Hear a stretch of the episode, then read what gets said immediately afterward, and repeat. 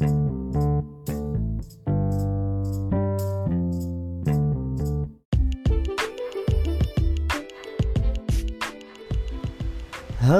sahabat ruang senja semua, kembali lagi bareng gue dan Indra di podcast Ruang, senja.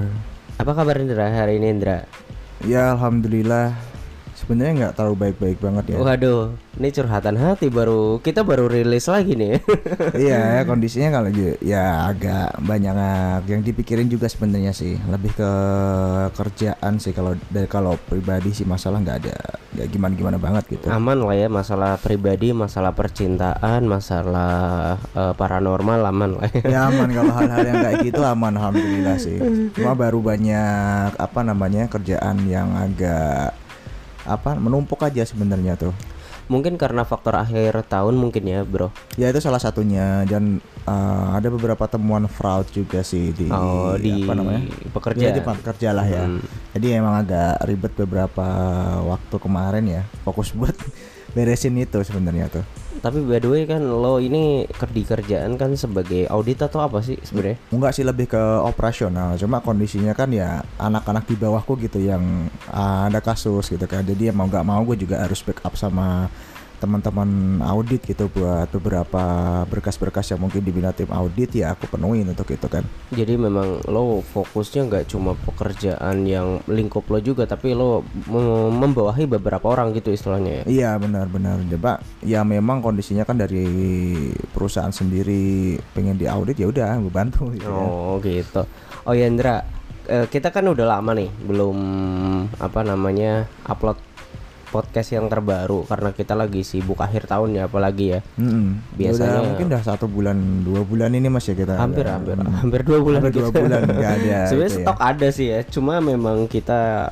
lagi males ya. karena kesibukan pekerjaan. Dra, ini kan akhir tahun nih biasanya okay. gitu kan. Uh, hal apa yang biasanya lo lakuin menjelang akhir tahun atau tutup tahun gitu dalam setiap masa periode satu tahun dalam kehidupan? Kalau gue sih ya memang pengennya itu kan akhir tahun ya pulang kampung lah ya ketemu sama keluarga gitu kan. Karena mm -hmm. memang kondisi kemarin untuk lebaran pun juga agak repot juga untuk mau pulang gitu agak susah ya? Iya agak susah kan ya ada kemarin kan ya ada batasan kan ya kalau iya, kita COVID, mau balik uh. gitu kan. Sama apa namanya dari, dari kantor juga kan. Saya banget tuh tukang bakso.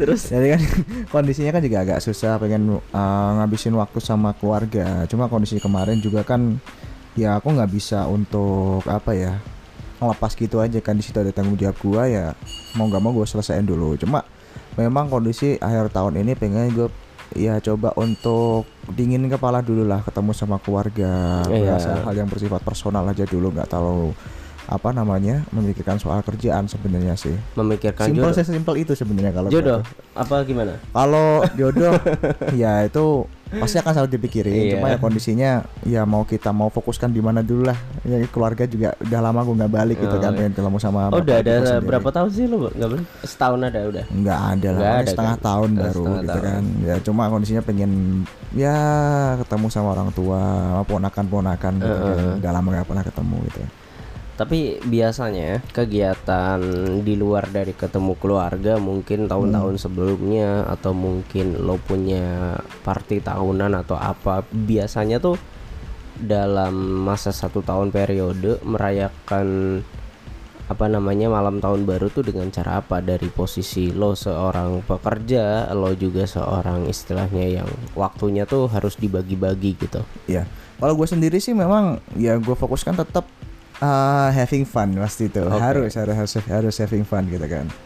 Uh, walaupun mungkin uh, untuk tahu tutup tahun pasti banyak perlu kita kerjakan ya untuk tugas-tugas gitu kan kondisinya tetap uh, selalu gue agendakan ya baik sama teman-teman kantor uh, maupun keluar teman-teman di luar kantor di luar kantor. Uh, ya terus kita kumpul-kumpul lah gitu. Uh, gimana kondisi uh, untuk nanya-nanya hal-hal yang receh sih sebenarnya. Cuma uh, kondisinya di situ gue ngerasa sendiri ya ya kadang kita perlu untuk itu kan yeah. kadang juga uh, kita perlu untuk kumpul sama orang-orang udah lama nggak ketemu juga yeah. gitu iya. kan teman-teman gue biasanya juga uh, pengen ngadain kayak gitu ya untuk tahun kemarin sih juga udah terlaksana sama teman-teman kerjaan gue gitu ya pun mungkin untuk uh, tahun ini mungkin kelihatannya juga akan sama gitu kan karena agak susah juga buat balik gitu. Pengennya sih balik cuma ya yang paling memungkinkan ya emang kumpul-kumpul sama anak-anak sih. Iya benar. Karena satu umur ya, Mm-mm, jadi satu frekuensi mm-mm. mungkin atau apa gitu.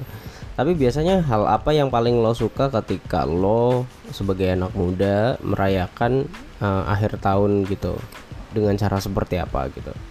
Kalau gua sendiri sih sebenarnya eh orang yang nggak terlalu apa ya suka mungkin ke tempat yang mungkin agak Rame. gemerlap rame Hmm. gitu bahkan dulu pun sebelum masa covid ya ngelihat apa namanya eh, pergantian tahun lihat kembang api di keramaian kota di alun-alun gitu nggak pernah sebenarnya Nggak pernah atau memang nggak pernah suka? nggak suka Oh, nggak suka, suka. dan jadinya dia jadinya nggak pernah gitu Mm-mm, kan Jadi akibatnya tidak pernah. Gitu. Iya, Mm. jadi sebenarnya dulu pas di keluarga gue sendiri juga sebenarnya eh, nggak pernah ke tempat keramaian kayak gitu mas. Oke. Jadi biasanya ngadain untuk coba bakar-bakar jagung sendiri sama keluarga, sama Oh. tetangga. Tetangga pun paling dua dua rumah di samping, samping-samping. gitu kan. Mm, mm. Jadi emang kesannya cuma eh, apa namanya eh, hubungan kekeluargaan kita coba untuk kita rekatkan gitu kan Oh. dan itu pun kebawa sampai gua SMA kuliah bahkan eh, kerjaan gini nggak pernah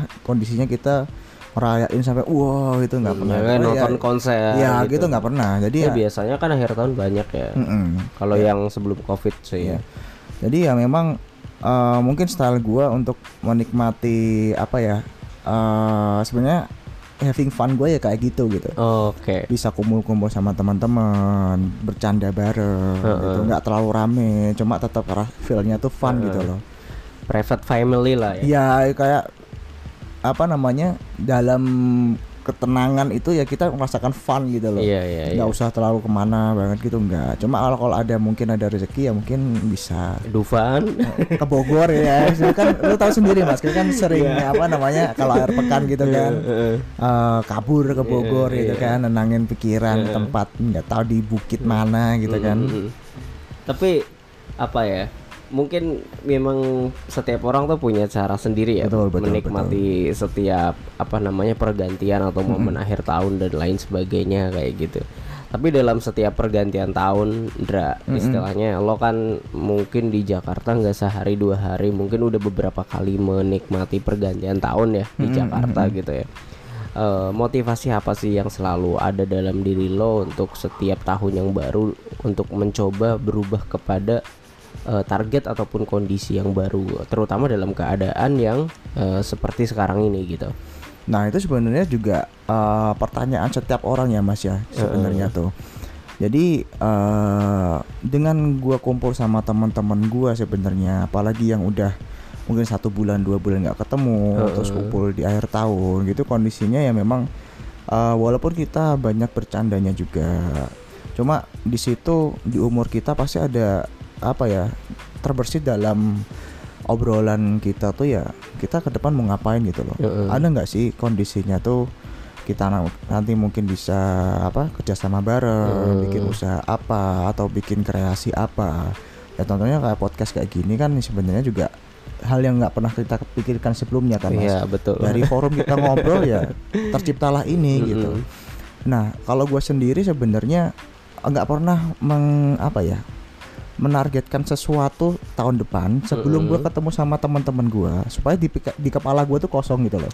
Oke oke. Jadi gue bisa dengar sama teman-teman gue oh dia teman gue sekarang aktif di mana teman gue ada ide-ide apa. Jadi di situ mungkin gue bisa masuk gue punya apa namanya banyak insight yang masuk ke kepala gue Mm-mm. dan siapa tahu eh, tahun depan kita bisa merencanakan secara sistemnya kayak gimana dan terrealisasikan ya alhamdulillah gitu kan mas. Iya benar benar. Jadi eh, dari situ ya terciptalah gue ke depan mau ngapain gitu cuma memang eh, dari gue sendiri sih ya tetap gitu ke depan kita mau eh, aku mau ngapain gitu. iya cuma dari apa yang disampaikan teman-teman gue kan jadinya gue punya banyak sudut pandang supaya gue sendiri ya enaknya fokusnya di mana Mm-mm. sebenarnya kan kita coba untuk fokuskan dan paling memungkinkan kita lakukan tuh yang mana kan Mas? Iya. kalau pengen mah banyak gitu banyak pasti. pasti, oh, oh, benar tapi kalau ngomongin akhir tahun tuh pasti nggak akan ada habisnya ya. Ada karena habisnya. kayaknya tuh kita dalam satu tahun dari Januari sampai Desember istilahnya dari eh, 12 bulan itu kita luapin segala emosional kita dalam waktu satu malam itu gitu. Betul untuk merayakan untuk mensyukuri dan lain-lain gitu. By the way Indra pertanyaan gue lagi nih buat lo. Eh, ketika lo setiap tahun istilahnya eh, apa namanya bertambah tahun berganti tahun dan lain sebagainya.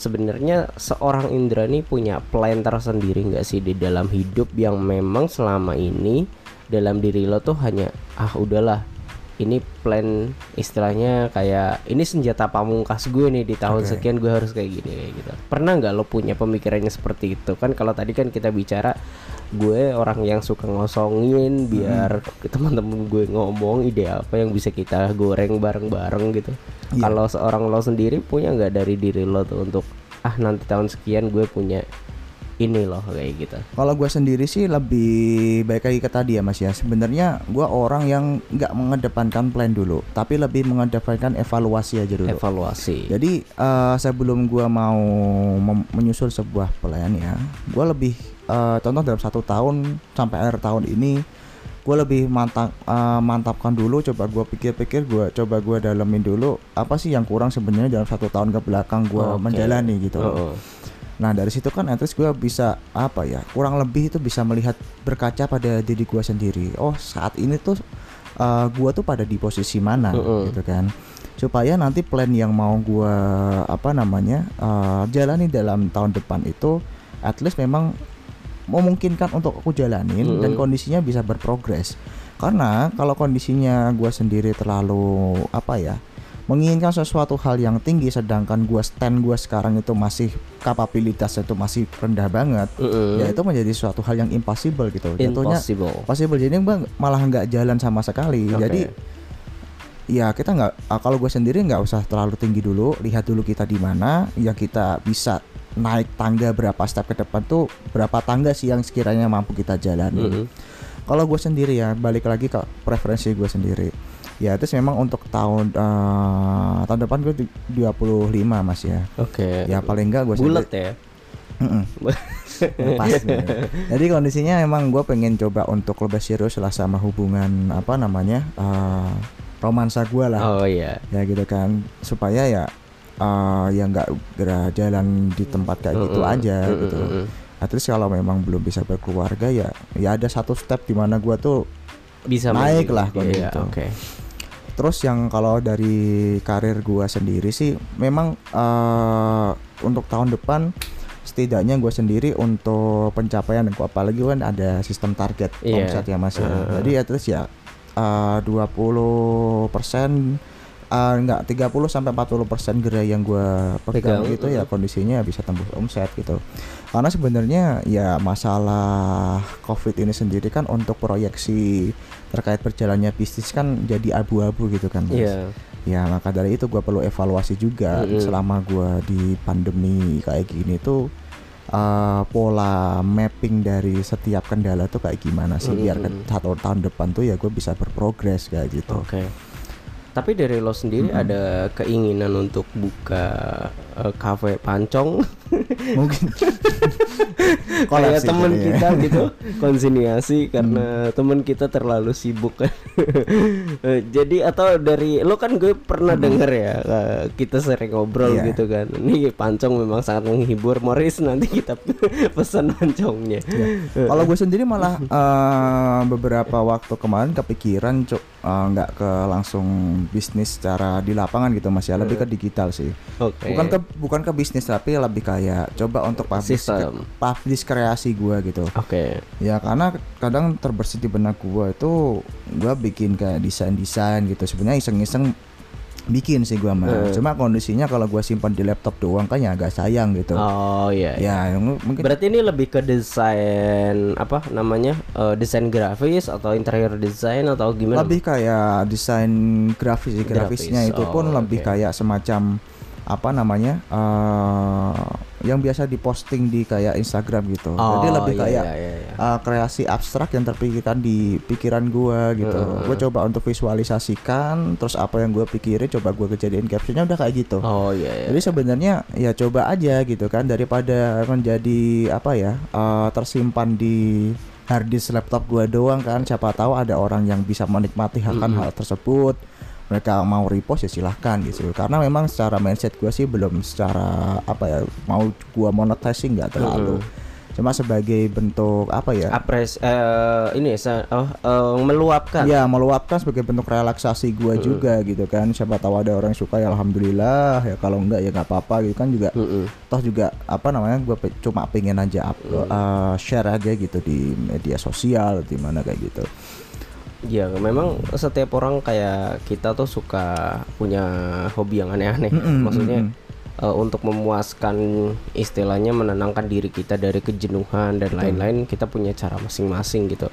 Tapi kalau dari lo sendiri Indra, gue kan pernah dengar lo pengen yang namanya mungkin nanti lanjut S2, Iya. lo mau kerja di apa? Eh, perusahaan minyak ya Petronas ya main motor GP WSPK atau gimana dulu gue pernah denger itu itu Iya. itu memang eh, Itu ada rencana untuk ke sana ke Maroko atau Afrika Kalau kalau sekolah sih iya mas. Cuma kalau yang di peru- yang perusahaan minyak dulu itu emang kondisinya gua ada sempat tawaran gitu. ya. oh iya iya iya Cuma kondisinya memang dulu ya memang bukan apa ya. Gua ngelihat kondisi gua dan keluarga gua Mm-mm. ya gua gua di Indo aja dulu deh gitu kondisinya kan. tapi di tahun ini tahun-tahun dekat ini ada rencana lagi untuk jualan minyak atau apa Enggak, gitu? kalau gua memang kondisinya kan gua di sini juga masih apa ya eh, aktif di kerjaan gua sekarang. Gua selesaikan dulu di mana gua nyaman lah ya istilahnya ya Ya, jadi gue selesaikan aja dulu tugas gua di sini. Kalau eh, paling mungkin kan memang lanjut lanjut sekolah ya. Ah, Cuma kalau sampai eh, dalam satu tahun atau dua tahun ke depan gua pindah ke kerjaan lain, nggak nggak deh di sini. Nggak dulu ya. Nggak dulu. Nggak dulu ya. Oke. Berarti setiap orang tuh punya apa ya? eh, dalam garis besarnya podcast kali ini kayak eh, semua orang tuh bisa buat yang namanya plan untuk tahun yang akan datang. Tapi kembali lagi yang Indra bilang kayak kita tuh harus harus evaluasi dulu sebelum kita bikin plan tuh dalam satu tahun ke belakang tuh apa yang udah kita kerjain, apa yang belum kita capai gitu dan jangan terlalu dipikirkan ya bro ya. Iya, nggak tahu nggak usah terlalu dipikirin. Yang penting dikerjain aja Oke, sebenarnya benar. Yang dia biasanya orang banyak mikir sih. Iya, jadi mikir secukupnya aja sih. Kalau kondisinya kita udah ngelihat, oh ya ini udah udah oke nih, udah memungkin, udah memungkinkan banget buat jalan ya udah jalanin, jangan dipikirin. Nanti malah nggak jadi jatuhnya. Heeh. Tapi bener nih lo nggak ada rencana konsiniasi buat bikin pancong sama sahabat kita atau gimana? Sebenarnya eh, pancongnya tuh gue akuin enak sih. Enak, emang enak. maksudnya enak kita loh. nggak bilang nggak enak. Iya enak, Emang enak. Cuma kondisinya gue gua sendiri belum ada kepikiran ini pancong mau Hmm. dibawa ke mana kalau gue masuk gitu kan. Kalau gue masuk terus gue gak kasih inovasi apa-apa kan juga jatuhnya Oh. Iya, malah iya. nanti ribetin kan. Tapi buat sahabat ruang senja semua yang sekarang lagi dengerin podcast kita, eh, jadi ruang senja tuh eh, salah satu membernya suka bisnis pancong namanya pancongin, pancongin aja. aja. Jadi kalau kalian pengen dipancong coba aja lihat Instagramnya namanya pancongin aja. Oke. Pembahasan kali ini mungkin untuk eh, menyapa kalian kembali dari kita berdua eh, mungkin cukup sampai di sini ya, Indra. Ya sampai di sini. Next nanti kita ada Pembahasan lain lagi, Mas, pembahasan ya. lagi dengan narasumber kita yang lebih Berbeda. menarik dan lebih asik pastinya ya. Oke lah. Thank you buat sahabat ruang senja semua, jangan bosen dan sampai jumpa. Thank you Indra. Ya sama-sama Mas Farid. Bye.